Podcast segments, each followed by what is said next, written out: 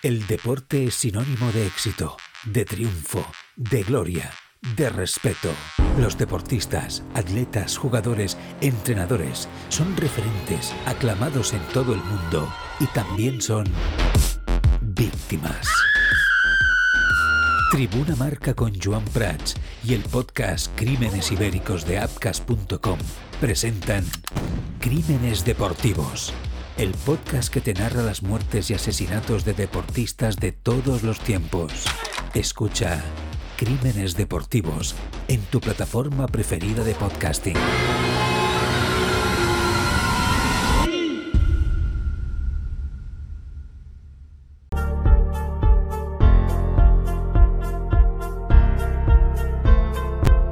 Tarda i benvinguts al Tribuna, un programa que fem damunt d'una bicicleta mentre xutem una pilota per marcar gol, avançant a la corba a 230 km per hora, amb la mà dreta llançant un tir triple, amb l'esquerra esmaixant amb la raqueta, i tot mentre nedem als 200 metres papallona.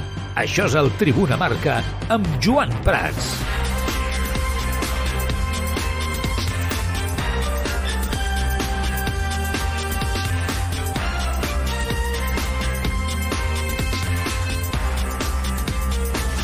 Tal, com esteu? Molt bona tarda. Benvinguts un dia més al Tribuna Marca. Gavi, Ferran Torres i Ansu Fati com a principals revulsius davant del Villarreal. Aquests són els canvis, més la suplència de Sergio Busquets que prepara Xavi Hernández per l'enfrontament del proper dijous. L'entrenador vol enviar un missatge contundent a la plantilla i es valora deixar a la banqueta Rafinha i a Dembélé per primer cop en aquesta temporada, fet que donaria protagonisme a Ansu Fati i a Ferran Torres a les bandes, acompanyant a Lewandowski. També es valora sortir amb quatre migcampistes per reforçar la presència del mig del camp i renunciar a un extrem pur, que en aquest cas seria Ferran Torres. Si això passés, podrien coincidir sobre la gespa Busquets, De Jong, Pedri i Gavi a l'11, sense eh, oblidar que podré, potser podria ser que sí finalment qui jugués. Tot això, com dèiem, la idea de Xavi és que Busquets sigui suplent, per tant, aquesta és la idea, el que us explicàvem ahir. En defensa, pocs canvis, on Piqué seguiria sent eh, suplent després del seu partit davant de l'Inter. Són canvis que són notícies, sens dubte,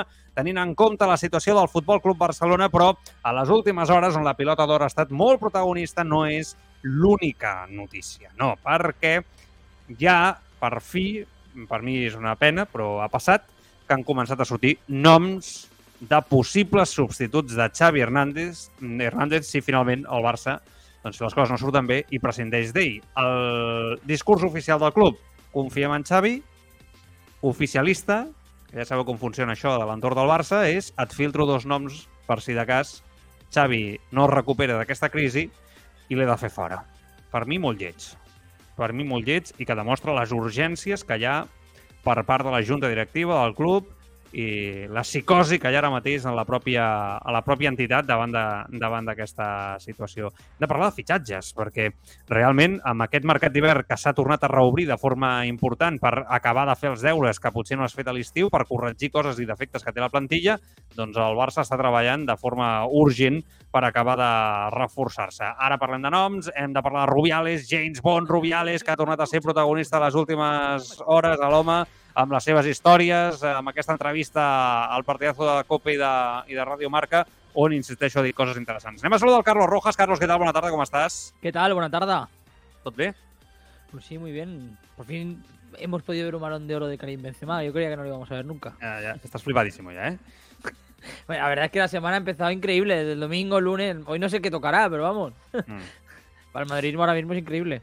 Bueno, en directe a través de Radio Marca Barcelona, a través de radiomarcabarcelona.com una tarda més, a través de l'aplicació mòbil disponible per iOS i per Android, que si no la teniu us l'heu de descarregar també en directe a través del canal de YouTube, a través del podcast, a totes les plataformes que existeixen al món, allà estem nosaltres. Tu trobes una plataforma i dius, Tribuna Marca, pam, allà estem nosaltres, a través del Twitch, saludem a l'audiència de Twitch, twitch.tv barra el Tribuna, allà veig que van entrant a poc a poc l'audiència, el Tribuna Marca, el Togrom i el Juanito Guapito, el DJ Jols, ja arribant al Twitch i important, eh? important a través del Telegram, Tribuna Barça, aquest Telegram que cada dia sou més els que esteu allà també comentant l'actualitat. La, a veure, anem per parts, eh, com sempre fem, perquè si no, imagina't que, que complicat ho tindríem en aquest programa, si no anéssim per parts. Um, el tema de, dels canvis. Eh, és veritat que tot això que s'està comentant avui, especialment ho publicava Mundo Deportivo, sobre una presència al mig del camp més poblada, no? un home més, Eh, és algo que, per exemple, eh, Xavi podria recuperar de la seva etapa amb Guardiola a la banqueta d'una forma important perquè recordem que jugava al Barça, s'acostumava molts, en molts partits, va haver una etapa on es jugava molt així, que era, recordeu, amb eh, Busquets, amb Xavi, amb Keita, recordeu, a Seidou Keita, i Iniesta passava a sortir de primeres com un fals extrem. Eh? Seria un fals extrem, esquerra, esquerra no? Bueno, es una opción. Es verdad que el Barça tiene un problema y es que parece mentira. Nunca me imaginé que tendríamos este problema, pero lo tenemos, que es que el centro del campo eh, no conecta, ¿no? De alguna manera o de otra. Es verdad que no tiene protagonismo. Lo que pasa es que en ese momento, claro, tenías a un centro del campo con un tipo de jugador muy específico. Vamos a ver si Xavi es capaz, me cuesta imaginarlo, de poner a Kessie, a De Jong, a Pedri y entiendo que el que iría a esa banda como falso extremo izquierdo sería Gaby por su perfil, porque ha jugado ya algunas veces más avanzado y también caído a banda en alguna ocasión, así como en modo de probatura. Pero me cuesta, me sigue pensando, ayer lo tenía claro, hoy, después de lo que se está comentando y filtrando sobre lo que prepara para el jueves Xavi, me cuesta pensar, Carlos, que Busquets no vaya a jugar. Mi olfato, evidentemente, me puede traicionar, ¿eh? pero me cuesta. Hombre, también hay que decir que si hay un momento para sentar a Busquets es ahora, ¿no? Precisamente por, por las dudas que, ha generado y, ya no lo digo como excusa ¿eh? para sentarlo, sino porque realmente es un futbolista que ahora, ahora mismo está sufriendo sobre el terreno de juego. Yo no sé si también hay algo físico ¿no? en, él, en este caso mucha carga de partidos, eh, pero está claro que, es, un, es una buena excusa. En el centro del campo, yo es que creo que el problema que se ha encontrado el Barça es en los planteamientos de los rivales, ¿no? Ahora tú hablas de que no ha conectado. No, ha habido eh, seguramente, ¿no? ¿Eh? No ha habido respuesta, digo, a los planteamientos de los rivales. Exacto, o sea, el Barça tenía una forma de jugar, la han estudiado y Xavi no ha contrarrestado en ese sentido, ¿no? Yo creo que es un poco el, eh, lo, que ha sucedido y, aquí es una no es una cuestión de la calidad de los jugadores o de que este centro del campo no funcione porque eh, yo creo que los precedentes están muy claros, ¿no? Creo que sí que ha funcionado en el pasado ese, ese, triángulo, en este caso formado por Busquets, Pedri Gavi, eh, pero es verdad que a lo mejor tienes que intentar buscar más verticalidad, intentar repartir más los minutos para que el equipo tenga otra velocidad, ¿no? Por ejemplo, si me ocurre la inclusión de De Jong, ¿no? De Jong a lo mejor eh, con más protagonismo, pese a que no es un jugador hiperpopular, ya lo sé, pero es un futbolista que te da por lo menos más profundidad, ¿no? Para ciertos rivales. Ya. Bueno, no sé, eh, hay que ver, no? Ahí, eh, us estic llegint a tots, després us contesto quan el Carlos vagi, vagi llegint missatges, porque va a leer mensajes Carlos y os contesto, porque veo que mucho, hay mucho mensaje directo hacia, hacia mí o mi punto de vista o, o lo que vamos diciendo y, y después os vamos, eh, vamos comentando, porque yo entiendo ¿eh? que Xavi busque alternativas, creo que debe de buscar alternativas en los próximos partidos, creo que es muy importante que el equipo, eh, bueno, tenga un meneo, ¿no? A veces eh, tocando teclas pues eh, es importante también enviar un mensaje, ¿no? Yo creo que hay un mensaje muy claro que se tiene que enviar también a Rafinha y a Dembélé, ¿no? De que, oye, esa competencia, ¿no? Que hemos dicho tantas veces eh, a lo largo de la temporada. Bueno, pues es momento de demostrarlo también, que si realmente es así, pues eh, si fallas, tienes competencia, ¿no? Y, y, van a jugar Ferran Torres y Ansu Fati o, o los que crean convenientes, ¿no? Pero yo creo que es un, poco también el sistema, ¿no? Eh, tú hablabas de los rivales, es verdad que los rivales, eh, es verdad que parece le han cogido la matrícula al Barça, que le están jugando de una manera que al Barça no, no le encuentra, no encuentra solución, pero también es igual de cierto, Carlos, que al fin y al cabo eh, hay un problema de planteamiento, ¿no? De cómo saltas tú al terreno de juego, de cómo planteas el partido con una cierta personalidad, aspectos que normalmente son básicos en el fútbol del Barça y que en estos momentos está siendo traicionado o, que por lo que sea no se da con la tecla para conseguir ese punto de, control en los partidos y sobre todo de tener esa personalidad, porque es verdad que lo consigues 20, 30 minutos iniciales prácticamente de todos los partidos y a partir de aquí el equipo se cae, ¿no? el invento se rompe. Entonces, eh, ¿qué pasa? ¿no? Eh, y yo creo que otra de las cosas que se tiene que buscar el jueves, sin duda, es conectar otra vez con los... Eh, con, los, eh, con Lewandowski, ¿no? Lewandowski debe de volver a ser eh, protagonista, sin lugar a dudas, porque no lo está siendo. Lewandowski es capaz de marcar goles el día del Inter sin participar prácticamente en el juego. Y esto es algo que a mí me preocupa especialmente.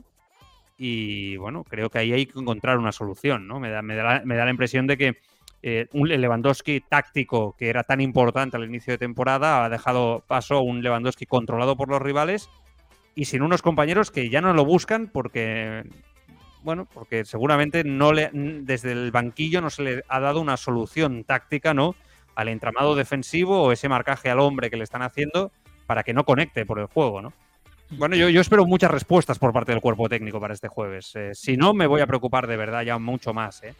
Ah, yo es que cuando ahora estás hablando de lo, de lo, del centro del campo, es verdad que el centro del campo es un problema importante, ¿eh? por sobre todo yo creo que los partidos ante el Inter, ¿no? que lo han puesto muy de manifiesto, incluso con el Real Madrid a veces, pero el gran problema para el Barça es que este equipo parece haberse construido esta temporada, no construido, pero sí enfocado hacia uh, maximizar ¿no? las virtudes de Lewandowski y Lewandowski ahora mismo está totalmente desconectado del juego, ¿no? Y yo creo que es una cuestión seguramente de los extremos. Eh, Xavi ya sabemos que es un, un, en cuanto a estilo, pues lo tiene muy claro dónde quiere poner a los extremos, no es va un poco en contra de lo que es la tendencia del fútbol actual, ¿no? En la que los extremos son más delanteros interiores, ¿no?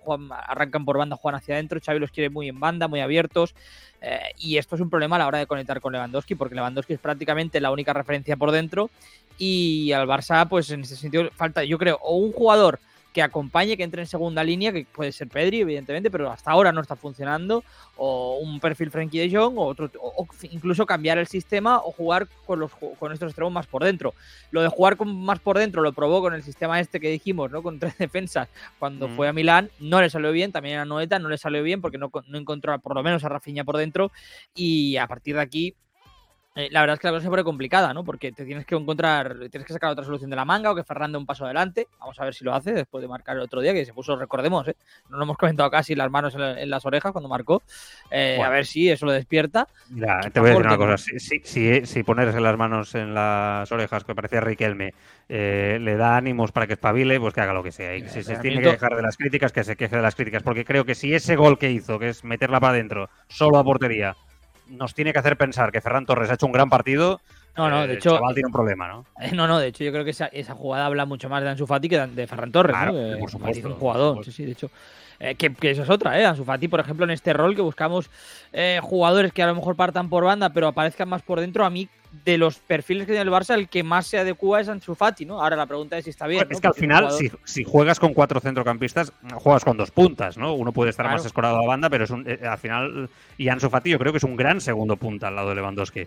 ¿Eh? Es que yo creo que el Barça necesita esa segunda referencia por dentro, porque si no, Lewandowski eh, es un futbolista que sabe jugar muy bien de espaldas, tampoco vamos a descubrirlo ¿no? en pleno 2022, pero eh, da la sensación de que es la única referencia, al menos importante, ¿no? que tiene el Barça por dentro. Y a lo mejor que vaya cogiendo más peso Ansu Fati si está bien físicamente, pues sería una buena noticia para el Barça para poder activar a otro jugador por dentro. Me estoy volviendo loco ¿eh? con el fondo este que estamos estrenando hoy en el, en el tribuna. O sea, mi oreja desaparece de un día, o sea, de golpe desaparece la oreja, me desaparece estas cosas modernas. Yo me pierdo ¿eh? estas cosas aquí. Pues de y mira la audiencia cómo estaba yo antes en las pruebas que hemos hecho. Salía la mitad de mi cuerpo. Y la verdad, con, de hecho con Carlos no, lo hemos, no, ha salido la cosa porque, porque no, no quedaba demasiado pulcra, ¿eh? por decirlo finamente. Bueno, eh, Villarreal, próximo rival, em, por repasar estadísticas, Mm, recordemos que el Barça eh, viene de perder contra el Villarreal, eh, contra el Villarreal el año pasado, el 22 de mayo, 0-2. Es verdad que es ese Barça ya horrible, ¿no? Que llega al tramo final eh, muy desmotivado, pero que perdió ante, ante el Villarreal. Es un Villarreal que ahora mismo está séptimo con 15 puntos, segundo está el Barça con, con 22, que no está Juan Foyt, Moreno y Coquelén, que están lesionados, pero bueno, que es un rival yo creo sinceramente que es muy incómodo. O sea que ahora mismo precisamente es lo último que necesita el Barça jugar contra este Villarreal que viene de ganar 2-0 a Osasuna, 0-1 ante la Austria de Viena, 1-0 perdió ante la Real Sociedad, ganó 5-0 la Austria de Viena en Europa League y Cádiz 0, Villarreal 0. Eh, bueno, vamos a ver, ¿no? Es verdad que siempre son equipos valientes. Históricamente el Villarreal es un equipo que juega bien al fútbol y, y es un equipo que perfectamente si el Barça duda otra vez, mm, le va a quitar el balón. O sea, es que venimos del Celta, que es un equipo muy valiente precisamente, un, producto de autor, ¿no? Futbolísticamente hablando, y que consigue en toda la segunda parte quitarte el balón en tu casa y yo creo que rozar un poco la humillación, ¿no? Sobre el meneo que te pegan. Ahí yo creo que es donde se encienden definitivamente las alarmas y vamos a jugar ante un Villarreal que tiene jugadores como el propio Parejo, como Morlanes, Jeremy Pino, que es un futbolista internacional buenísimo, ¿no? Arriba es eh, Dan, Juma y Jackson son muy buenos. Jackson es muy buen futbolista. y Danjuma está dejando claro ¿no? que es un, jugador que, tiene gol y que, tiene raza. Además, los dos centrales son dos, dos jugadores ya que están, eh, que están acostumbrados, ¿no? Por lo tanto, como Pau Torres o Albiol, me da la sensación que es un equipo, equipo. Que es justo lo que no necesita el Barça. ahora mismo a esto, ¿no? Eh, o sea, o el Barça juega un gran partido o va a perder. O sea, es que lo tengo muy claro, ¿eh? Va a perder porque venimos de donde venimos y, yo no creo que el Inter sea mejor equipo que el Villarreal. Es que el, Villarreal, ¿eh? el Villarreal la temporada pasada se destacaba precisamente pues un equipo muy difícil de ganar, recordémoslo, ¿eh? es un equipo, bueno, es una Emery en, en, estado puro, es decir, un, un, entrenador que mm, eh, es verdad que no practica el fútbol más vistoso del mundo, pero es muy difícil ganarle y de ahí, ¿no? Yo creo que gran parte de su de su éxito como entrenador. Aquí, a partir de esto, eh, el Barça va a tener que ser muy bueno posicionalmente, ¿no? Porque estamos hablando de un equipo brillante, sobre todo en eso, ¿no? Posicionalmente, que es el, que es el Villarreal, en ese 4-4-2, el, sistema de toda la vida de una Emery, y va a tener que circular el balón mucho más rápido, va a tener que ser mucho más profundo. Eh, ahora que hablabas, ¿no? De que los centrocampistas no se, no se, entienden por dentro, precisamente uno de los puntos fuertes del Villarreal, ¿no? Es anular a los equipos por dentro, ¿no? Es eh, esa circulación de balón ante equipos como como el Barça, mm, sabemos cómo va a plantear el partido una Emery, ¿no? Va a ser en, base a eso. Por tanto, eh, los extremos, ¿no? Todos esos cambios que tú comentabas que está preparando Xavi tienen que funcionar, porque si no te va a costar mucho. Yo estoy seguro que pase lo que pase, eh, salvo que el Villarreal tenga un muy mal día, va a ser un partido difícil de ganar para el Barça, por, el perfil de equipo que es el Villarreal, ¿no?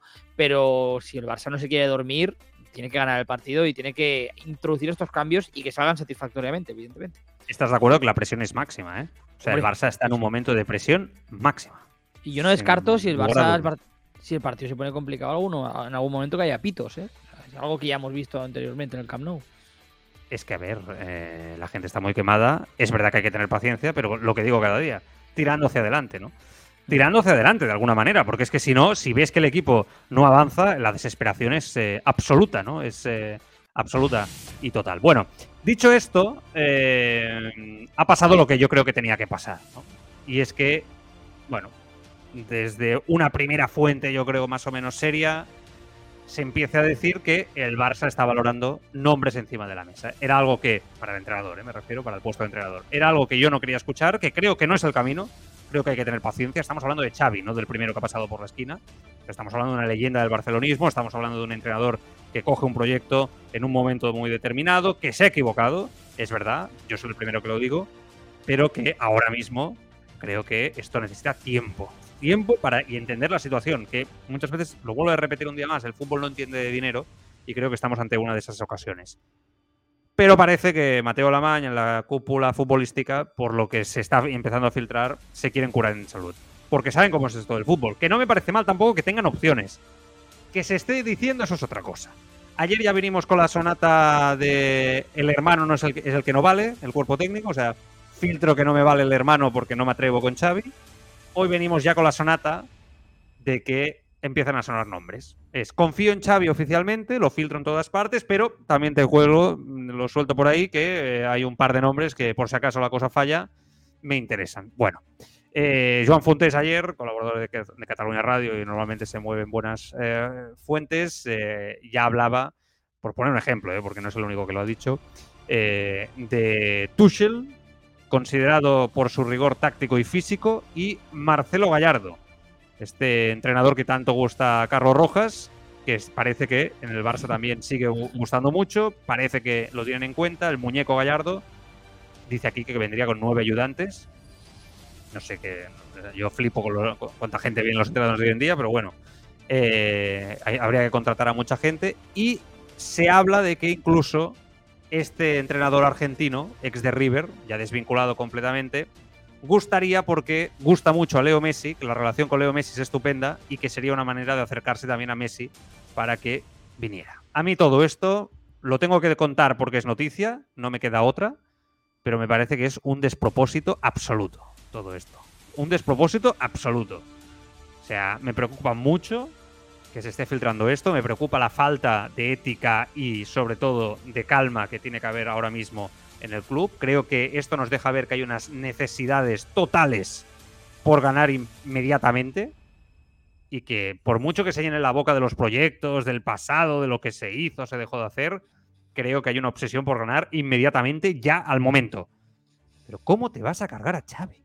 Es que, de verdad, o sea, de verdad que si la situación es muy mala y sigue siendo mala y el Barça mm, pierde ante el Villarreal, ante el Athletic, ante el Bayern de Múnich, no van a, yo qué sé, entra dos empates y una derrota, lo invento, vamos a ponernos en lo peor, te vas a cargar a Xavi. O sea, ¿De verdad vamos a entrar en esta dinámica de club de entrenador por año psicótico perdido, sin proyecto, sin, sin, una teoría, una calma, una manera de trabajar, cuando pasa algo, trabajarlo en equipo e intentar mejorar? Pero, pero ¿cómo, ¿cómo se va a entrar en esa dinámica como club? De verdad, ¿eh? O sea, me preocupa mucho que se esté filtrando estas cosas. Yo entiendo tu punto de vista, pero a mí me parece normal en un gran, en un gran equipo como Barça Madrid. Vale. Que, que Una equipo... cosa es que tú en privado puedas hablarlo con tu equipo de, de, cuatro personas, pero todos callados y sin filtrar ni un nombre. Pero a mí Porque esto me esto, recuerda... esto desestabiliza claramente a Xavi, hombre, y al equipo. Claro. Es que... Pero, pero eh, el entorno del Barça y del Madrid siempre ha sido así agresivo. Yo, Zidane no ha ganado títulos con el Madrid brutales y el equipo no estaba bien en, en, en noviembre, ¿no? Y, y, ya empezaban a preguntarle en rueda de prensa, ¿no? Si, si, veía fuera, si sentía discutido. Yo estoy seguro que esto va a salir en rueda de prensa. Estas preguntas a partir de ahora, Xavi, en algún momento alguien le va a preguntar si se siente. No, seguro. ¿no? Mañana. Mañana le preguntan, ¿eh? seguro, seguro. Casi Hombre, seguro. si están saliendo nombres, es que es, es inevitable. Por eso eh, yo entiendo que es un mensaje, ¿no? Por parte del club. Ah, Evidentemente desestabilizar, todo el mundo lo sabe, pero también es una forma de advertir, ¿no? Muchas veces. Aquí el problema es que eh, si fuera otro entrenador, no fuera Xavi, seguramente todos entenderíamos que desde el club están saliendo las dudas que están saliendo, pero Xavi, ya no solo por lo que representa Xavi para el Barça, ¿no? Eh, sino por la, con, la situación en la que vino Xavi, ¿no? Xavi eh, se hizo cargo del equipo en un momento de, vamos, bajón absoluto, no tenía prácticamente ninguna herramienta, hasta las palancas en aquel momento ni nos la imaginábamos, ¿no? El Barça no tenía eh, ninguna manera de poder fichar jugadores competentes, una plantilla totalmente caduca y consiguió tirar las cosas hacia adelante, ¿no? Yo creo que cuando, como mínimo el Barça le debe tiempo a Xavi, porque Xavi le ha dado tiempo al Barça, ¿no? Eh, claro, hombre. Incluso sin haber sido lo, lo, que es, que si además le añades eso, todavía debería tener más crédito, ¿no? Pero es, que Pero además, es cierto la, que el, en una situación el, actual... acaba, acaba que la situación es actual. Que me pongo negro con este tema. Cualquier otro entrenador, Joan, si estuviera entrenando Tuchel al Barça, por ejemplo, creo que todos mm, entenderíamos que desde el club empezará a discutirse su, su viabilidad, la viabilidad del proyecto. En una crisis de caballo monumental, eh, estratosférica, lo puedo llegar a entender que, que, se valore cargárselo. En la primera crisis de la temporada, en una temporada que esto acaba de empezar, no lo entiendo. O sea, me, me parece que eh, no es gestionar bien el club. O sea, me parece que no es gestionar bien el club. O sea, no, eh, no, puedes entrar en esta psicosis continuada. Por mucho que seas el Barça o el Madrid. Y que lo hagan ellos, Carlos, no significa que esté bien hecho. Y que los clubes se muevan en esta psicosis de la cual hablo, no significa que esté bien. O sea, los proyectos necesitan madurar, calma. O sea, si has apostado por Xavi, te has llenado la boca con el modelo, porque aquí hay mucho de esto también. Porque al final es, eh, ¿qué pasa? Si se va Xavi, yo creo que es el fracaso del modelo. Lo que representa, o sea, si tú llegas a cargarte a Xavi en algún momento, ¿Cómo te has llenado la boca? Con la recuperación del fútbol, que se había destrozado el modelo de club, futbolísticamente la etapa Bartomeu, etcétera. Bueno, pues acabó. Yo creo que se acabó. O sea, venga quien venga, va a transmitir otra vez algo completamente diferente. Con lo que ahí el modelo se ha acabado. El ADN, la recuperación, eso está muerto. Entonces, yo creo que deben de ser muy conscientes de los pasos que dan. Y yo creo que por ahí se puede explicar la calma que podría tener en este caso el presidente, que creo que, que, es el que más confianza tiene en, en, Xavi, quiero pensar, o no, no lo sé, porque yo ya no sé qué pensar, para no cargárselo, para no echarlo. Ahora, a ver, no sé, yo ya... No, no, si, si lo, si yo si, si, lo entiendo, pero, pero, al final es un poco lo que, volviendo a lo que decías, eh, decíamos ayer, ¿no? Eh, Xavi es, a, a, siempre ha sido uno de los grandes padrinos ¿no? del estilo actual, digo, de, de los mm. actuales. Pero es verdad que el Barça ahora mismo no está jugando al estilo que todo el mundo quiere, ni que quiere el propio Xavi. ¿no? Quiero decir, entonces el Barça ahora mismo no es que no renunciaría a su estilo, si, si Xavi, porque directamente no está jugando a su estilo. Xavi no lo está sabiendo encontrar. Otra cosa es que hablemos de la palabra discurso. Eh, el muñeco Gallardo es un entrenador, entre comillas, que yo diría va en la línea de lo que es el estilo del Barça, sin ser ni mucho menos en la ADN del Barça, pero va en sintonía, digamos, ¿no?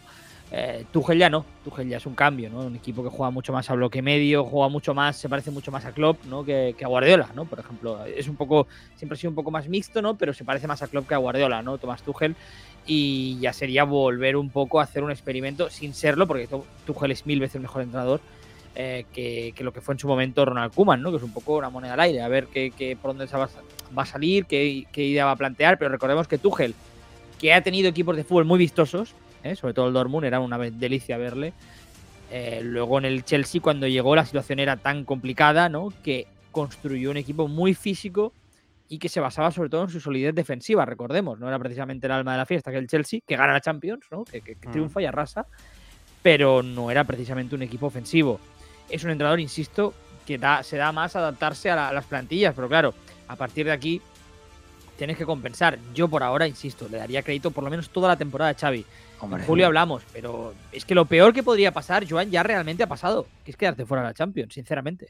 Exacto. Solamente puedes ir a mejor. Bueno, claro, a ver, puede haber una debacle absoluta que no creo que vaya a pasar, ¿eh? sinceramente. Me sorprendería mucho por cómo trabaja Xavi. Es verdad que estoy viendo el tema de Gallardo. Al final, eh, os puede gustar mucho, pero entrenar a Argentina no tiene nada que ver con entrenar aquí. ¿eh? No, o sea, no. eh, yo creo que esto hay que tenerlo muy en cuenta. No tengo nada en contra de Marcelo Gallardo. Me falta información para saber si es un grandísimo entrenador más allá de lo que he leído y, y visto en alguna ocasión a River Plate sobre el sistema y cómo juega, pero al final tiene experiencia en Nacional y en River Plate. O sea, con todos mis respetos, no tiene nada que ver, pero nada que ver a entrenar en, en, en, Europa y en un equipo como el Barcelona. O sea, es un cambio de continente, es un paradigma completamente diferente y sabemos cómo han salido otros experimentos de entrenadores argentinos que han llegado al Fútbol Club Barcelona, como el Tata Martino.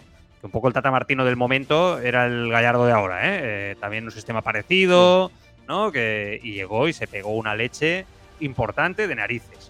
Entonces, tengamos los pies en el suelo y no hagamos más experimentos. Y no hagamos cosas raras. Mejoremos de una vez.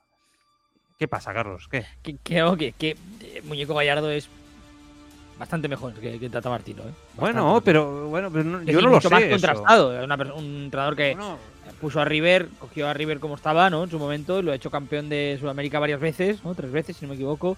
El campeón de Argentina, vamos. Sí, bueno, el pero... mejor equipo de Argentina en los últimos, yo diría que lo que llevamos de siglo, seguramente desde 2005-2006, seguramente no, ha sido ese River. No, no, me vale. O sea, esto es el Barça y sabes que esto es muy singular claro. y llega Gallardo y quizás mucho mejor que el Tata Martino. Ok, te lo compro, pero se pega una leche como, como un piano porque no conoce la idiosincrasia del club. Es un club muy Eso especial, sí. con un entorno muy complicado.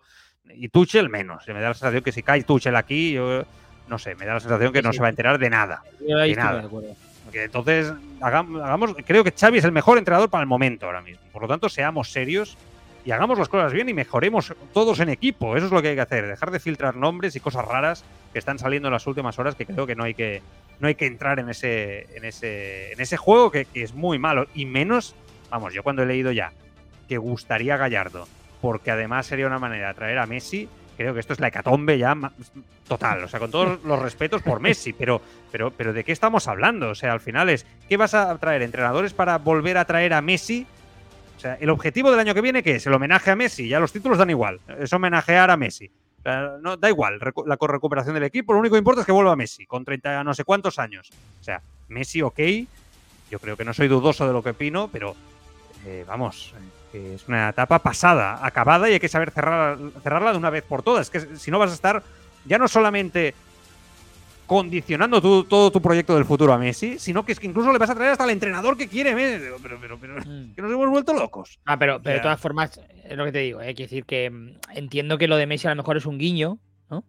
Pero ni pero... ni leches, Carlos. O sea. No, porque que Marcelo Gallardo, quiero decir, tú, tú, traes a Muñeco Gallardo es porque es un entrenador que se lo ha ganado. O sea, eh, no sé si se ha ganado entrenar al Barça, pero se ha ganado dar un paso importante adelante de su carrera y estoy seguro que lo va a dar. Yo creo que va a venir a Europa, seguro. Me queda eh, claro que eres del club de fans de Marcelo Gallardo, ¿eh? Sí, sí, o sea, yo soy, no, me no encanta. Tengo... Bueno, ya lo he dicho siempre, que a mí Muñeco Para Gallardo. Liverpool. Me... Bueno, no, el Liverpool tiene club, pero, pero ah. acuérdate, ese, e, e, ese, entrenador va a acabar llegando a Europa. Yo no sé si triunfará o no, pero acabará llegando a Europa, seguramente sea su próximo club, un club europeo. Después de lo que ha hecho allí en Sudamérica, ya no puede superarlo realmente con River. Bueno, eh, de seguida llegeixo missatges, a banda segueixen sortint notícies relacionades amb com està treballant el Barça de cara al mercat d'hivern. Avui el Diri Sport explica que Bellerín Sergi Roberto i Memphis estan a la rampa de sortida de cara al proper estiu i que fins i tot podrien sortir al mercat d'hivern per deixar espai a possibles fitxatges a nivell salarial. Ja lo de Griezmann, també de cara a la propera temporada, ha ajudat molt. I un d'ells, atenció, perquè nou nom, nuevo nombre, Kanté del Chelsea.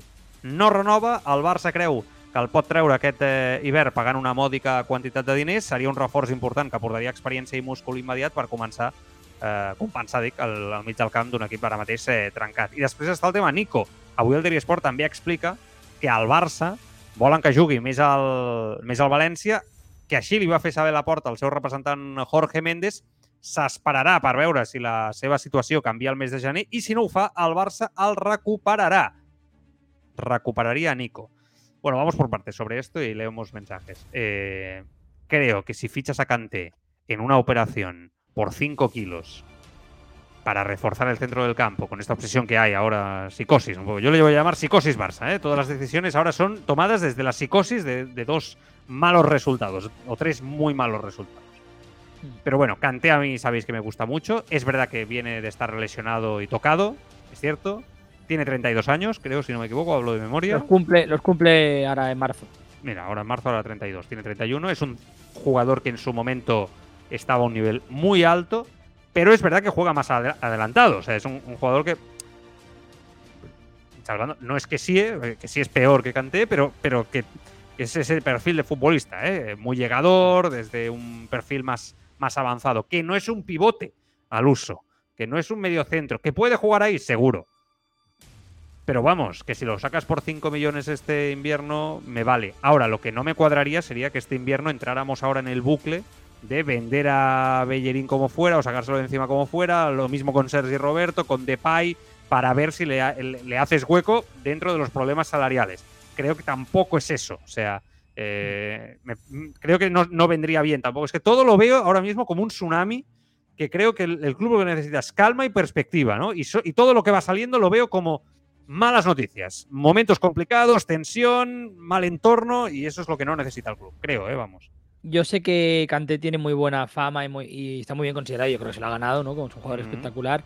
Pero sería, para mí, sería un fracaso de fichaje para el Barça. Sería un- no, no tiene sentido.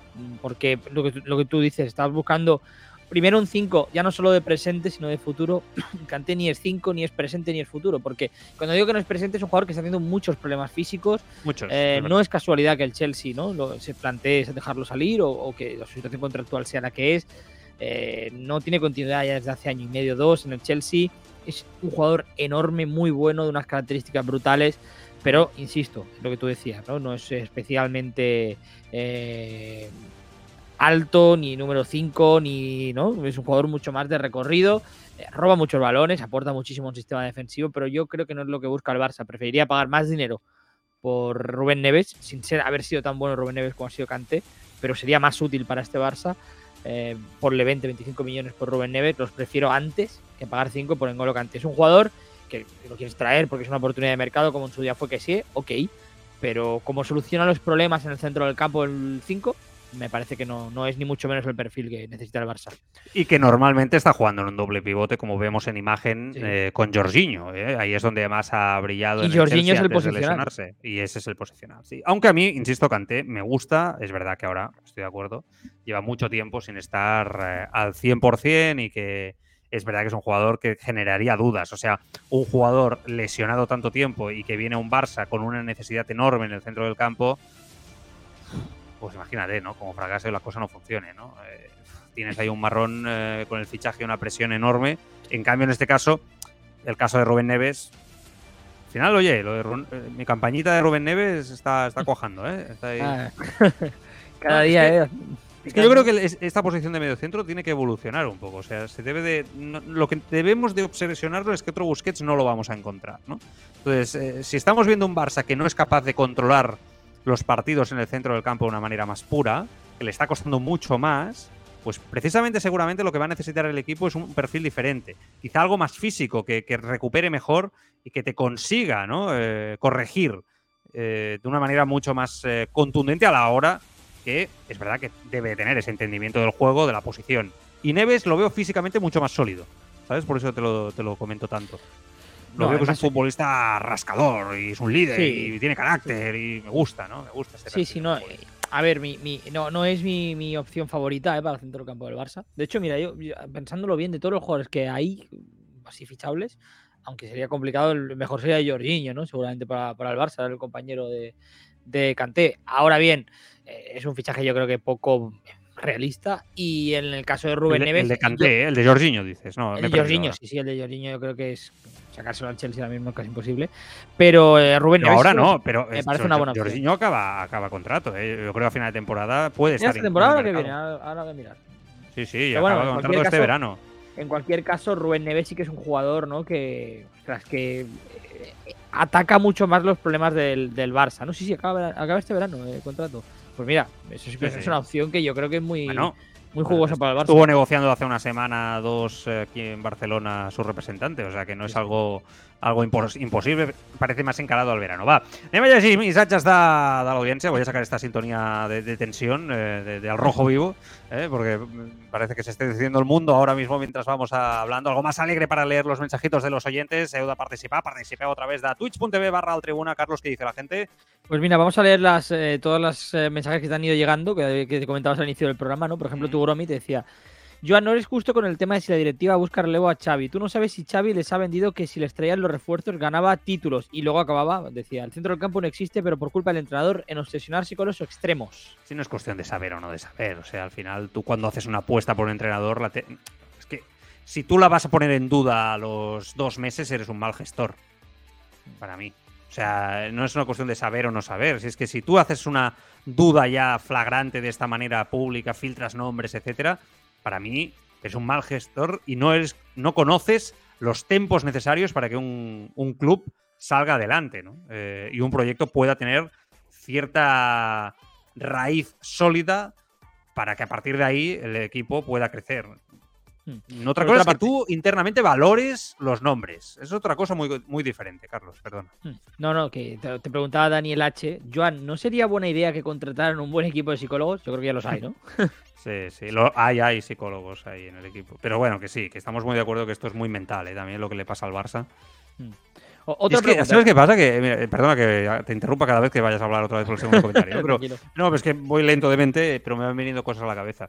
El otro día estaba viendo en la previa del Bernabéu, no sé si te fijaste, el grupito que había en Sufati, Gaby, Pedri, estaban eh, Ferran Torres haciéndose bromas, eh, bromas de, de niños, de, de- de 18, 17, 10 no, de 17 ya no queda ninguno. Bueno, Pablo Torres no, 19. 18, Por ahí, 19, niños. O sea, edad eh, post-instituto. Y los estaba mirando y pienso, claro, es que por muy buenos que sean, es algo que ya comentamos con Mark el otro día, no, no voy a descubrir nada nuevo, ¿eh? pero su capacidad de crecimiento mental mm, es el que es. O sea, tú puedes tener un talento para jugar al fútbol, pero después el conocimiento del contexto, la situación, tú tienes la edad que tienes y la hemos tenido todos. Y has crecido y has evolucionado en base a ello, en base a los palos, en base a la experiencia, y después ese talento, pues, brota más o brota menos, ¿no? Porque a veces esto pues va como va. Yo los veía y pensaba, claro, si es que les estamos pidiendo a unos chavales, mayoritariamente chavales, que entiendan el concepto del entorno del Barça, de un club tan complicado como el Barça, porque no, no nos engañemos, este es un club donde un jugador como Coutinho, que se sale en la Premier, llega y se hunde. O sea, es que mm, eh, pongo el ejemplo de Coutinho y podríamos poner tantos otros ejemplos. Y estamos pidiendo a estos chavales que entiendan a una velocidad de vértigo todos los condicionantes externos al fútbol. Porque el Barça tiene un problema de fútbol, estoy de acuerdo. Pero, como decía este oyente, hay un problema mental, de aceptación del momento, de control de la presión en el momento del partido, etcétera, etcétera. Y esto me vale para Eric García y tantos otros futbolistas que sí, que son criados eh, para ello, pero eso no significa que tenga respuestas inmediatas y que esto vaya a funcionar inmediatamente. Y yo creo que nos olvidamos de esto y es muy cruel en base, en base a ello. ¿no? Y, y me viene otra vez a la cabeza el Arsenal de Arteta. que- no, pero es verdad. Tiene sección propia en el programa. Sí, total, pero es que es verdad. O sea, el Arsenal de Arteta es un equipo que precisamente el año pasado sufría de esto, de la inexperiencia, de la juventud. Arteta hablaba y no conectaba, ¿no? Bueno, pues tres años después, a la tercera, Arteta es líder de la Premier. ¿No? Y está haciendo una temporada impresionante. Y los jóvenes brillan, entienden ese contexto porque ya han pasado por una serie de circunstancias que ahora les ayuda ya a vivir ciertas situaciones porque tienen experiencia. Bueno, pues Mm. es que esto, esto es lo que estamos construyendo, un equipo desde abajo. Ayer el Barça protagonista en el Copa, con Gaby, con Pedri. Bueno, pues ¿qué es esto? Es esto. O sea, esto Yo creo es- la que hay- juventud tiene este, este precio a pagar. Hay algo significativo, no sé si has visto ¿no? la imagen de, de Gaby cuando llega, que no sabe dónde colocarse, ¿no? En la alfombra roja. ¿no? Claro, eh, pero es que son niños. es, que, es que, claro, es que. No, no es Lewandowski. Lewandowski tiene un entendimiento del juego y del momento diferente, con entorno. 34 años y del entorno. Ha estado en el Bayern, que también tiene un entorno muy complicado, ¿no? Y, y lo mismo, pues me vale para cualquier otro jugador como Ter Stegen, por ejemplo. Seguramente el, el momento, la presión, la gestión de la presión que hace es completamente diferente. Ahora bien, que esto se suma a esa apuesta por la juventud que has hecho a unos veteranos que son un auténtico fracaso en la función de líderes, completamente de acuerdo. Se ha juntado un grupo generacionalmente hablando, los Busquets, los Sergi Roberto, Jordi Alba, ¿no? Que, que, que en eso, en otras cosas han sido muy buenos, pero en esto, en saber dar un paso al frente y sustituir a los Xavi, Iniesta, Puyol y tal, fracaso absoluto. Absoluto. Sin paliativos. Yo creo que estos dos componentes hace que compliquen muchas veces el entendimiento del momento. Y, y Xavi yo creo que lo entiende perfectamente, pero se encuentra con un grupo que no controla esa presión y el equipo se hunde. Es que por Sí, sí. encontrar soluciones, ¿eh? por intentar en- encontrar soluciones y explicaciones a lo que vive el Barça. Diagnóstico, sí, sí. sí. Mm. Más comentarios, por ejemplo, que no eh, nos comenta. Te preguntaba Gabriel 050687. Joan, la gran pregunta, ¿por qué no pasamos al doble pivote teniendo a Frenkie, que es el mejor de esa manera? Bueno, es una opción que podemos encontrarnos también de cara al jueves, ¿no? Hemos hablado de este 4-3-3 con un falso extremo, que al final son cuatro centrocampistas. Otra opción es apostar por el doble pivote, que es algo que yo, Carlos, veo más sólido. No sé tú, pero eh, lo digo porque ha funcionado con este. Busquets ha jugado en doble pivote con Xavi Alonso en un momento determinado, porque Del Bosque no veía claro jugar solo con, con eh, Busquets atrás, y aquello funcionó muy bien.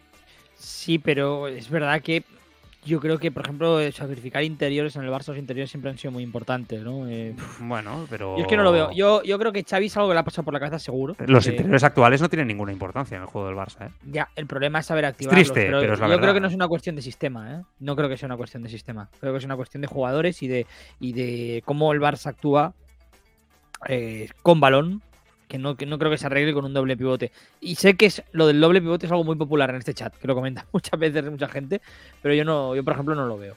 Eh, Andrés6061 decía, está obligado Xavi a buscar alternativas. El inmovilismo no es buena idea y más cuando las cosas no funcionan. Daniel H. decía, mentalmente creo que van a coger la idea Ferran, que no es que sea santo de mi devoción por el momento, y Ansu, que Dembélé y Rafinha, y creo que eso hará que el medio campo conecte con la delantera. El propio Gabriel 050687 decía, Frenkie con Holanda jugando con dos pivotes, el mejor. Con el Ajax, el mejor. Y nosotros forzando a que sea un interior. DJ Jols decía, ahora veremos si todo el mundo que hasta hoy ha dicho que apoya a Xavi, si es de verdad o lo decía para seguir la corriente a la masa respecto al muñeco Gallardo. Mm. Algunos comentarios, eh, el propio Gabriel decía, me gusta Gallardo porque creo que le daría ese hambre y ganas de salir a morder. Tugromi decía, apostaba más bien por esperar, ¿no? Que al final de temporada, a no ser que, que haya una catombe. Y se me ha ido uno por aquí que nos decía Palala, por ejemplo, 767, no lo encuentro el comentario, que, que no, que no quiere experimentos. Gallardo no decía, no, más experimentos no, ya no está Messi, no hace falta hacer más el... En general yo creo que la gente no quiere que Xavi, ni oye hablar de que Xavi se vaya, ¿no? Creo. No. Vamos, me da la sensación a mí. Creo que es Sí. algo que, que es que sería una hecatombe demasiado grande. Bueno, vamos a hacer eh, camino, eh, anem a parlar d'altres eh, d'altres temes. Eh, a veure, el Mateo Moreto avui ha explicat que el Barça ja negocia la renovació d'Iñaki Peña, que acaba contracte a finals de temporada, el cos tècnic estan encantats amb ell, eh, apreta molt a Ter Stegen, es, podrà, es, es parla de 4 anys. Lo debe tener muy claro, ¿eh? Eh, Este chico para firmar cuatro años, bueno, supongo que es una oportunidad a nivel de sueldo, seguro que le pagan más que en otros sitios, pero vamos, eh, cuatro añitos, bueno, Y sí, más a- habiendo hecho una buena eh, media temporada, ¿no? Como hizo eh, con, con- Bueno, cuando estuvo cedido, yo creo que debería mirar, ¿no? Es un, un jugador con carrera y con proyección. mm, Yo creo que podría hacer carrera perfectamente en un equipo de primera Mm. división, ¿no? Parte mediana alta, no sé. Es el típico compensa, ¿eh? contrato de cuatro años que hace que el jugador se relaje. Claro, pero ya no solo eso, es que Ter Stegen, eh, o sea, ahora está en un nivel espectacular. Decíamos que muy bien, ¿no? Tener competencia, seguramente haya influido, ¿no? La presencia de Iñaki. Peña para que Ter Stegen apriete, pero esto para Iñaki Peña no es la mejor noticia, ¿no? Que digamos, ¿no? Que, que Ter Stegen esté apretando ahora mismo. Bueno, no sé. Cosas. eh, ahora también tenemos que hablar de Iñaki Peña, no sé, cosas raras, eh, ¿no? Un poco, eh, con lo que tenemos montada. Eh, lesionats, quan tornen? Ho, ho dic per recordar-ho. Bellerín, segurament eh, Bellerín jugarà davant de l'Atlètic Club, a priori alta mèdica. Christensen el dia del Bayern, Araujo al gener i Memphis Depay segurament el dia del Bayern també. Ho dic perquè tingueu en compte quan es van recuperant efectius, que és important. Avui s'ha anunciat un acord de patrocini entre Barça i Bimbo, el patrocini del Futbol Club Femení, i la Masia, el logo de Bimbo anirà a la màniga eh, de, de les noies, per tant, eh, bon, eh, bona empresa, eh? la multinacional mexicana, important acord pel, pel Barça, important que, que vagin entrant, evidentment, eh, tots aquests eh, acords, com dic, importants, perquè a més bueno, el Barça necessita diners i no només han de venir de les palanques, que això també s'oblida una mica. I ahir, com ja sabeu, pilota d'or.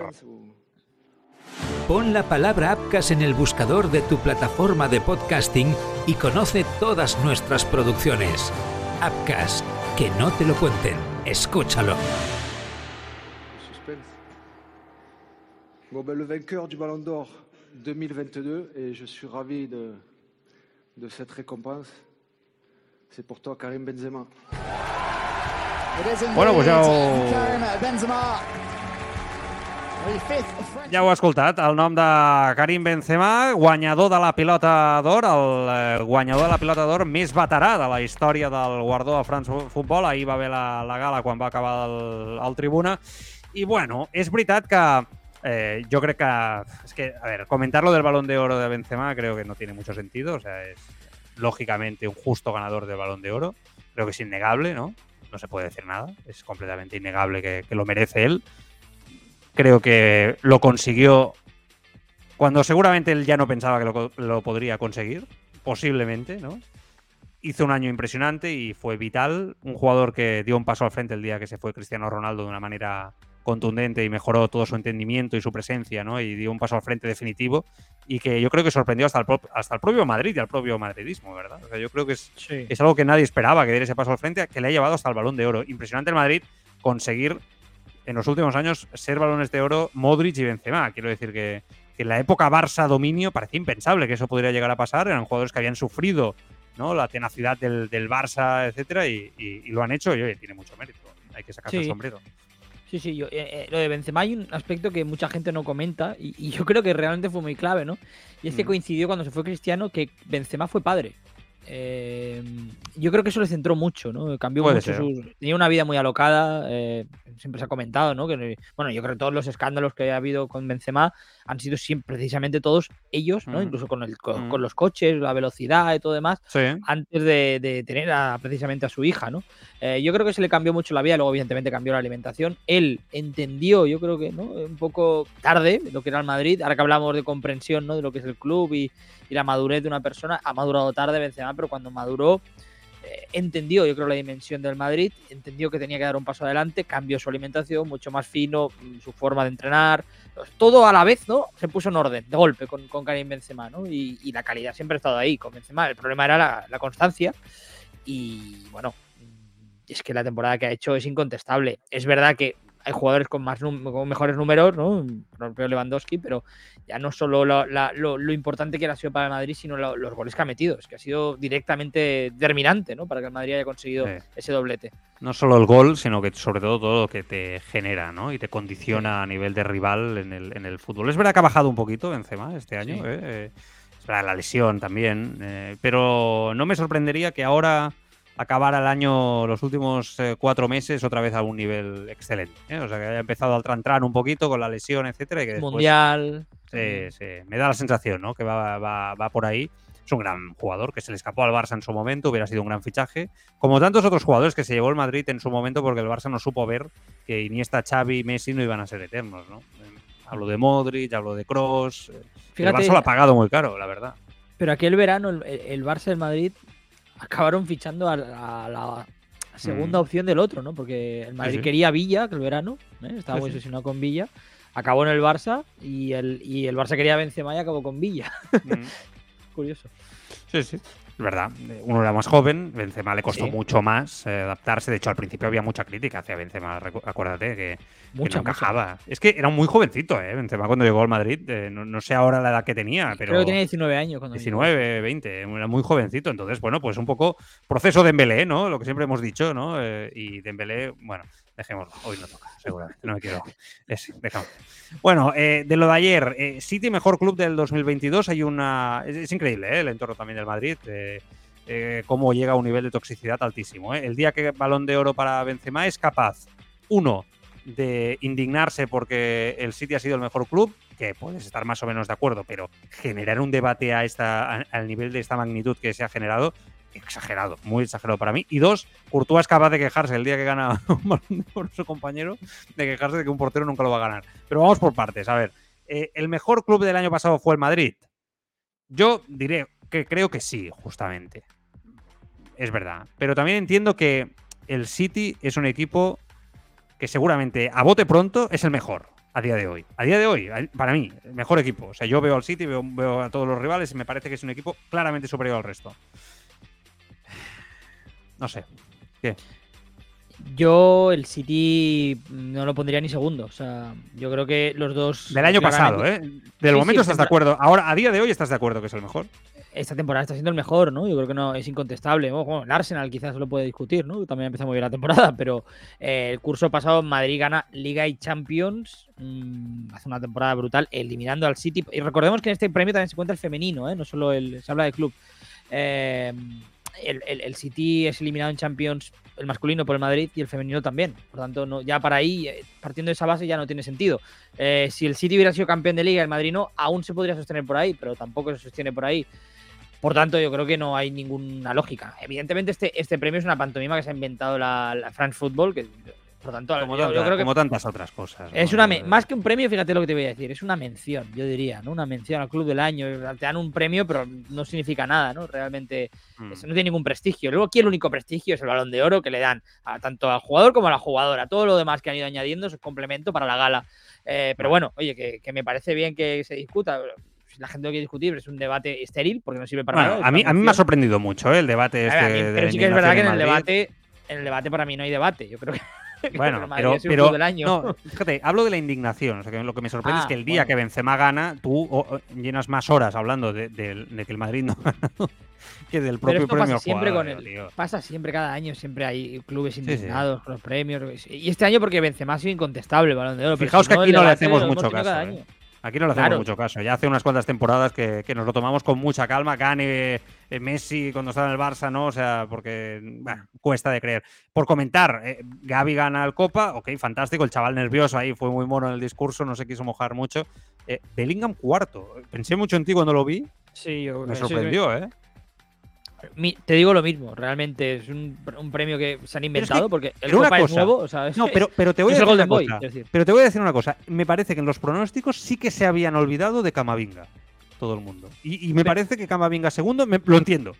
Por lo de la presión que te decía de jugar en Barça de Madrid, a diferencia de Borussia Dortmund, por ejemplo. O sea, Camavinga es verdad que, ostras, eh, no fue vital en el Madrid, pero bueno, es un jugador muy joven que fue, fue en un momento determinado muy importante. Camavinga fue muy importante en las semifinales contra el, contra el Mm. City, contra el Chelsea también, pero está muy lejos de haber hecho la temporada que ha hecho Bellingham. O sea, es que yo, yo creo que Bellingham fue el que, junto con Gaby, los dos años, mejor año tuvieron. Incluso te digo una cosa, eh, que Musiala esté por, de- esté por detrás también, ¿no? De, Por de- detrás, sí. de Camavinga, vamos. Es que, Barça Madrid, una ¿no? tomadura de pelo, sinceramente. Un Pero equipo vamos. con Gallardo en el, en el banquillo, Bellingham en el centro del campo. Carlos, eh, vamos, eh, deja No el Madrid, el Liverpool, los colores, lo deja todo y se va a ese Fíjate, equipo, ¿no? ¿Te imaginas que lo hacéis en el Barça? Que tendría que cambiar.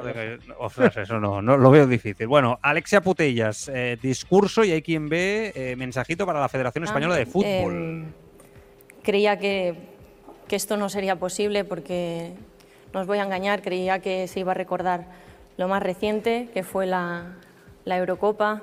Enhorabuena, hay algunas inglesas aquí. También enhorabuena, eh, mi más sincera enhorabuena a la Federación Inglesa por la organización que tuvo, eh, por esa Eurocopa y por cómo están em, teniendo ese impacto con el fútbol femenino en, en su país. Sin duda son un ejemplo de cómo lo están haciendo.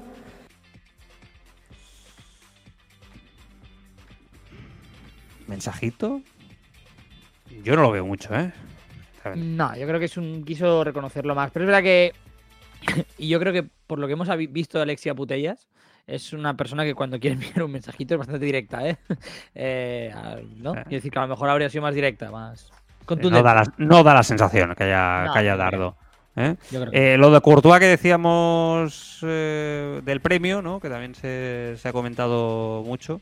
Eh, Em, bueno, diciendo que un portero le va a costar ganar. imposible, porque, eh, a ver, obviamente hoy Karim se lo merece y estamos todos de acuerdo con eso, pero que después de un año que yo jugué como portero, eh, que ganas eh, la Champions, ganas la Liga, juegas la final de Champions, que tu equipo gana gracias a tus paradas y solo queda séptimo significa mucho que al final... eh, eh, las votaciones no tiran para los porteros, que se puede entender que al final eh, yo creo que de los top 10 no había ningún defensa, eh, aparte de porteros, no hablamos ni de defensas. Y es un poco lo que pasa, entonces bueno, eh, es un poco difícil, pero bueno, por lo menos han eh, inventado ese trofeo de mejor portero y, porque yo creo que cada año un portero es más importante en el equipo y se nota, hay que jugar desde atrás, hay que hacer las paradas, hay que dar como un líbero detrás de la línea, así que ojalá algún año llegaremos y nos seguiremos peleando para ello. Mm, para mí te voy a decir una cosa, hubiera sido totalmente lógico que Courtois hubiera sido segundo en, la, en el Balón de Oro por detrás de Benzema. No me hubiera chirriado en nada, en nada. Es que ¿eh? Courtois, eh, yo eh, vamos a aprovechar para decir, para mí es el peor podio de la historia del Balón de Oro, o sea, reciente. Sadio Mané hizo una temporada- recuérdalo, recu- recuérdalo, recuérdalo. el Sí, podio para eh, que no lo Benzema sepa. primero, Mané segundo, De Bruyne tercero. Eh, Mané no fue ni siquiera el mejor igual. jugador del Liverpool esa temporada. De Bruyne hizo una buena temporada, pero Mm. mucho menos tan relevante como la de la de Courtois. Ah, me parece una tomadura de pelo porque Mané, recordemos, la temporada de Mané empieza en febrero, cuando se lo inventan de delantero en el Liverpool, eh, Sí. gana la Copa África, hay que decirlo, sin ser especialmente relevante con, con Senegal. Y luego acaba muy bien la temporada, que hay que reconocérselo, pero vamos, hizo dos meses buenos. Eh, de hecho, creo que hizo 17 goles en, en Liga o 15, ¿no? Muchos jugadores le han superado, ¿no? El propio Lewandowski que estaba por detrás, Mbappé, ni te cuento, eh, Salah, ¿no? y en el caso de Courtois, yo creo que tiene más razón que un santo. Es una pena porque creo que eh, nunca vamos a ver a un portero ganar un balón de oro, sinceramente. En el fútbol actual ya cada vez las estrellas, los delanteros son más estrellas y los porteros menos. No era el año para que lo ganara Courtois, pero yo creo que un año para que un portero estuviera en el podio como en su día no Casi, casi, ¿eh? Casi, casi. Si no llega a haber un jugador tan referencia como Benzema, sí. para mí eh, perfectamente lo hubiera podido ganar Courtois, ¿eh? porque fue sí. vital. Vinicius octavo. Eh, Ancelotti le han preguntado hoy por, el octavo puesto de Es Vinicius. justo porque esto le permite de intentar de mejorar lo que ha hecho el año pasado. El año pasado ha sido eh, casi todo nuevo para todo el mundo, ver un jugador con, estas, con esta calidad, con esta continuidad. Y para él creo que le da la oportunidad de ser más motivado para hacerlo mejor. Exagerado, octavo. Sí, pero yo- está, está claro que Ancelotti quiere mandar un mensaje ahí a Vinicius, ¿no? Pero podría, podría haber sido más comedido. Pero, pero el octavo puesto es exagerado. Por eso, no, sí, sí.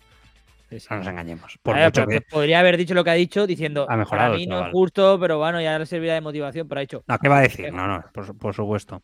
Eh, Florentino, adiós a Mbappé. Por lo menos oficialmente. Otra cosa es que lo que venga más adelante, lo que pueda pasar. Pero de momento final se Florentino lo queda tiene en claro. París, ¿no? Ha dicho que no quería salir en diciembre. ¿Le, le aburre ya el, el debate de Mbappé? Bueno, no se me aburre, es que, no, es que, es que ni, ni, ni lo leo, vamos. ya, ya, ya, dimos un buen verano, así que yo creo que eso, eso ahora no, eso ahora ya no tiene chicha. Se aparca hasta la próxima vez que toque, pero quién sabe algún día si jugará en el Madrid, ¿no? No, no, bueno, en la vida nunca se puede saber nada, pero vamos, eso ahora no, tiene- no tiene ningún sentido.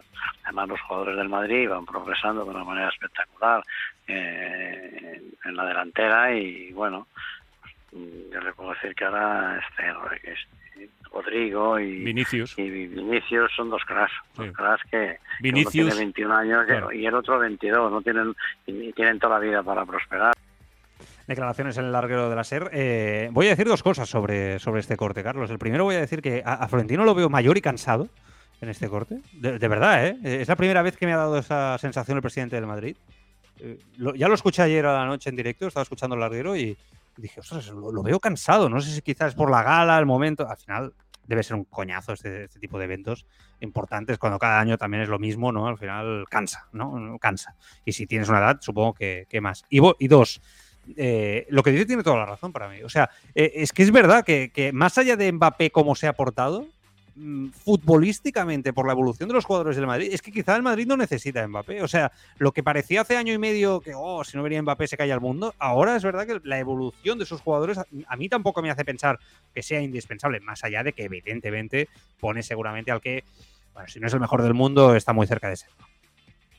Tienes razón, y yo creo que la evolución de la delantera del Madrid precisamente va enfocada a encontrarle un sustituto a Karim Benzema en el- a, largo, a largo plazo, no medio largo plazo, y yo creo que el Madrid piensa más en ese sentido ahora más en, en Haaland, ya veremos si le sale bien o no. ¿no? pero piensa, le, le cuadra más Haaland que, que Mbappé, porque es que además Mbappé ya está todo lo, todo el, el cirio que ha montado, ¿no? todo el circo, yo no creo que la afición del Madrid lo vea con buenos ojos, y yo creo sinceramente que Florentino está decepcionado con Mbappé cuando decía que no era su Mbappé y todo, y todo aquello. Él, eh, está un poco cansado, como tú dices. Ya no, no es aquel Florentino que se lanzaba ¿no? como loco a por los Mm. grandes nombres.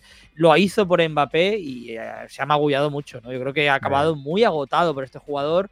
Pero que no le ha salido nunca bien eso. O sea, eso de lanzarse a los grandes nombres, por los grandes nombres, le sale, le sale bien al principio en su etapa con Figo, etcétera, pero después a la larga Bueno, siempre a- ha sido un a fracaso. Cristiano y a Bale, ¿no? A Cristiano y a Bale, a Bale Ah, son Ronaldo, sí. importantes. Bueno, ¿no? Pero, claro. pero vamos, que, que yo creo que el caso de Mbappé le ha agotado totalmente. Este último galáctico que quería fichar eh, ya no le. Yo creo que le ha decepcionado mucho y, y es, es verdad que el Madrid, tú lo has dicho, tiene una delantera ahora Claro. bastante sólida y, y precisamente lo que necesita apuntalar son otras posiciones.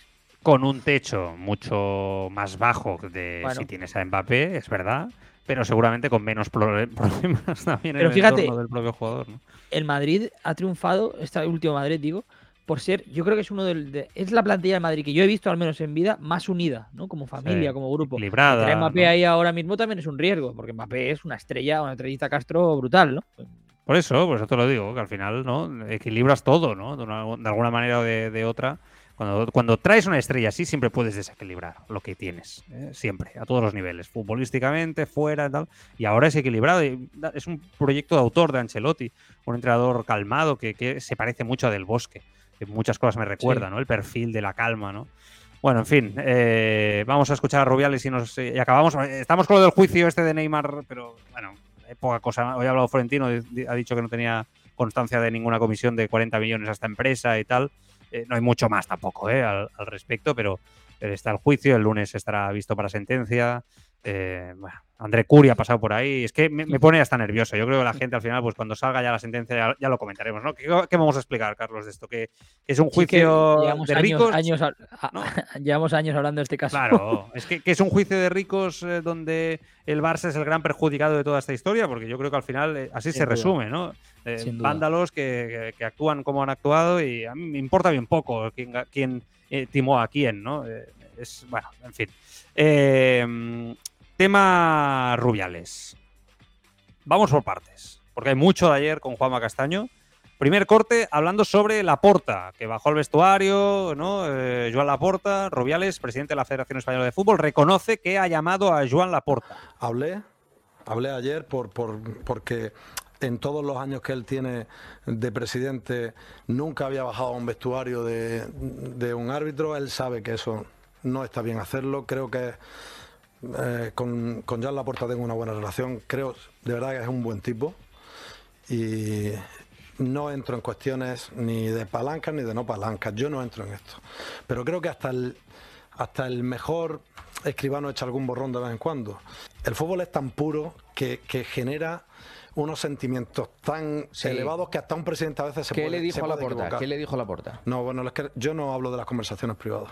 Vale, pero entonces le pregunto, ¿qué le parece que la porta bajara al vestuario Me parece mal. Le parece pare- mal. claro. ¿Y se lo hizo saber a la porta? Me parece mal, pero no es que me parezca mal a mí, es que esto, pues hay un código de comportamiento, hay una tipificación y, y bueno, pues a veces los dirigentes nos podemos equivocar.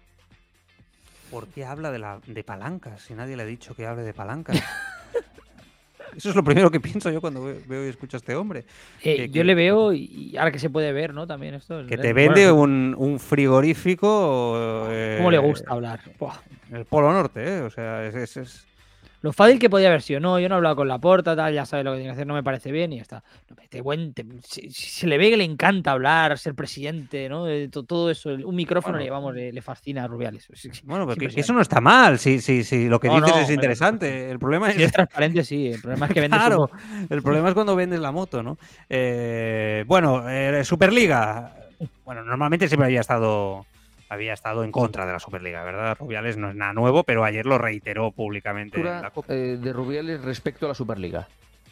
Totalmente en contra. Creo que hace un grave daño a- al fútbol. El fútbol es piramidal. En esto Lo- está de acuerdo con Rubiales, lo- con Tebas. Bueno, pero es que yo nunca he dicho lo contrario. Lo que no he dicho es que fulanito es- está en la barra de bar ni que el otro es... Y es que se puede decir las cosas de otra manera. Con vehemencia, con firmeza, sí. Creo que haría un daño bestial al fútbol, a las ligas y a las federaciones. Sobre todo a las eh, federaciones, a la suya. Sobre todo a las federaciones. Claro, a ver, eh, que lo entienda la gente. En el caso de Tebas y Rubiales pueden hablar por, por su opinión pensando que es lo mejor o no para el fútbol. Yo me creo cuando Carlos dice que cree que la Superliga es su opinión, ¿eh? no es la mía, pero lo entiendo porque es una persona que sé que quiere lo mejor o que no tiene un interés cruzado. ¿no? Entonces cuando Carlos dice yo no quiero la Superliga, creo que le hará daño al fútbol, yo no estoy de acuerdo, pero pienso, bueno, lo dice honestamente. ¿no? Cuando escucho a Rubiales y Tebas decir esto, yo digo, vale, es vuestra opinión, pero vuestra opinión no es honesta. O sea, es porque tenéis un interés y os va al pan. Entonces, para mí, bueno, lo tenemos que poner porque es el presidente de la Federación Española, ¿no? Pero tontos no somos, ¿eh? No. Tontos no somos. A mí me hace gracia que incluso en esto quiera diferenciarse de Tebas. ¿eh? en esto que van de la mano, que le comentaba Castaño. Decía, no, no, yo- pongo, no. pongo James Bond de fondo, ¿eh? que es la sintonía de Rubiales que me lo ha dejado. Venga, sí, perdona, acaba. No, no, que eso, que, que incluso en eso diga, no, no, vale, pero Tebas eh, habla de barra de bar y yo lo digo con vehemencia. Yo lo... Quiero decir, hasta en eso quiere diferenci- diferenciarse de Tebas. ¿no? Me, hace, me hace gracia, vaya, me parece curioso. Bueno, digo que pongo James Bond porque nos acercamos al- a la respuesta sobre los audios de, de- del confidencial. ¿eh? Ahí ha estado Luis Bond Rubiales ¿eh? contestando con, con Juanma. Polémica con, con las chicas, el tema de la selección española, Bilda, Alexia Putellas eh, con el mensajito, ¿ha habido mensajito o no? Eh, claro, le preguntaban a Rubiales por esto también. ¿También está tras- detrás de esto? Bueno, Tebas mm, está detrás, llama a todos Yo no he estado hoy en la gala del. Balón de Oro. Eh, el año pasado sí estuvo eh, animando o eh, festejando el, el Balón de Oro de Alexia Putellas. ¿La situación con, con Putellas este año ha impedido que usted vaya o, o no? No, para nada, para nada. Además la, la he felicitado enseguida. Creo que ha sido una lástima que tuviera esa lesión, que le privara de, de jugar a un europeo, que seguro que nos hubiera ayudado mucho. Y, y bueno, pues eh, dar la enhorabuena a ella y a todos los premiados. ¿Le ha respondido, Alexia?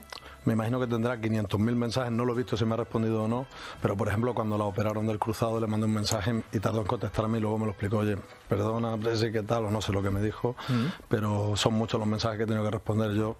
Lo comprendo porque nos pasa también cuando jugamos con la selección y hay un, generalmente cuando hay un éxito, pero también cuando hay una mala noticia, eh, pues es mucha la gente que te escribe, ¿no? Mm, me suena a que no tienen relación. A mí que le han dejado en visto a Rubiales. ¿no? Me da, ¿no? No, sí, sí o no. Bueno, no sé. Bueno, en fin. Sobre Confidencial, lo que se ha ido comentando. Le pregunta Juanma Castaño y dice, dice esto Rubiales, Tebas está hasta la sopa. Que intenten machacarme, está continuamente asesorando a, un ex director de gabinete de la Federación eh, Española de Fútbol, dicho por él. Bueno, no es que está delante, es que es obvio. Tebas le, le ha llamado hoy Rubialejo por las grabaciones. No voy a hacer ningún comentario.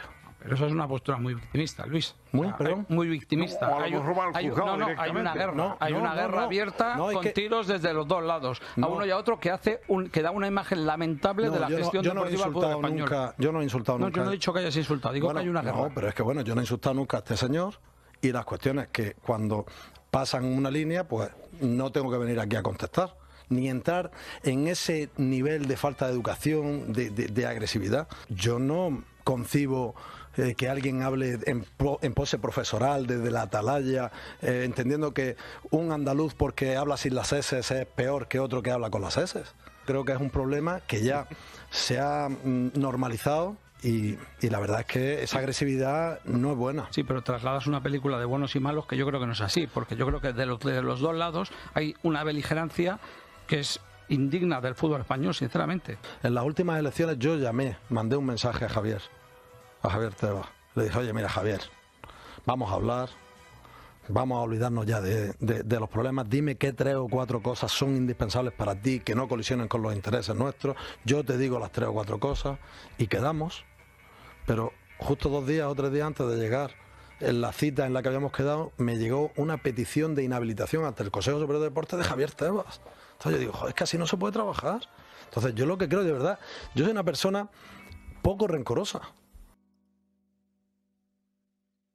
Mira, nos ha quedado bien con la sintonía y todo. De, de James Bond de fondo. Ah, Surrealista, es que es surrealista.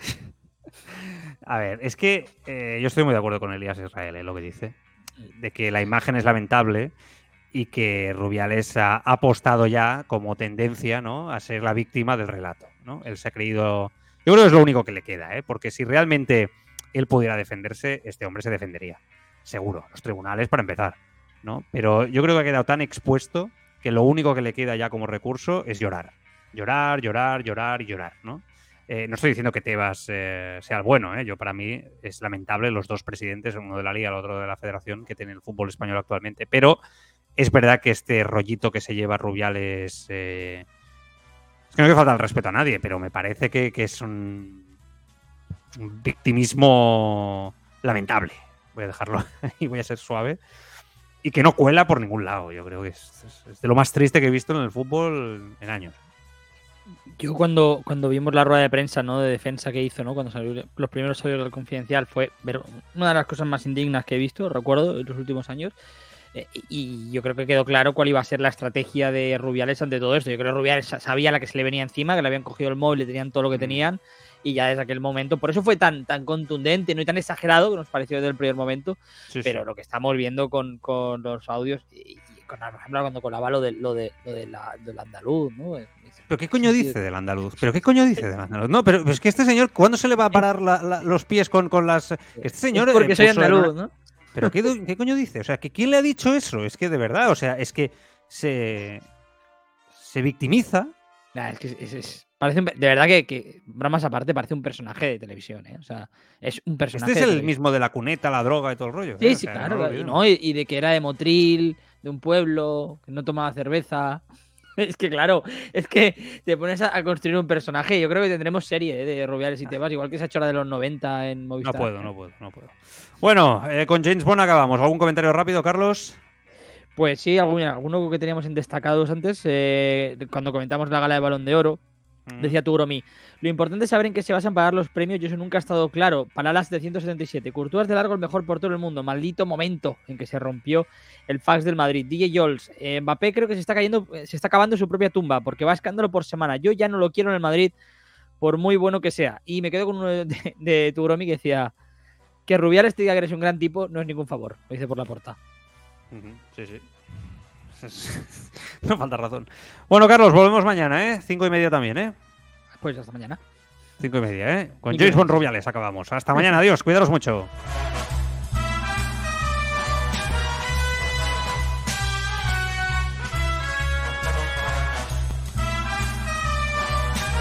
Llegan los premios Evox 2022 y tus podcasts preferidos de Apcas pueden ganar gracias a tus votos. Entra en premios.evox.com y haz tu votación. Apoya los podcasts que más te gustan. Vota por Crímenes Ibéricos, Crímenes Deportivos, Juicios de Crímenes, Escapa Podcast, Marca Mercado y ¿Qué fue de Don? Vota los podcasts de Apcas en los premios Evox 2022. Tienes tiempo hasta el 24 de octubre.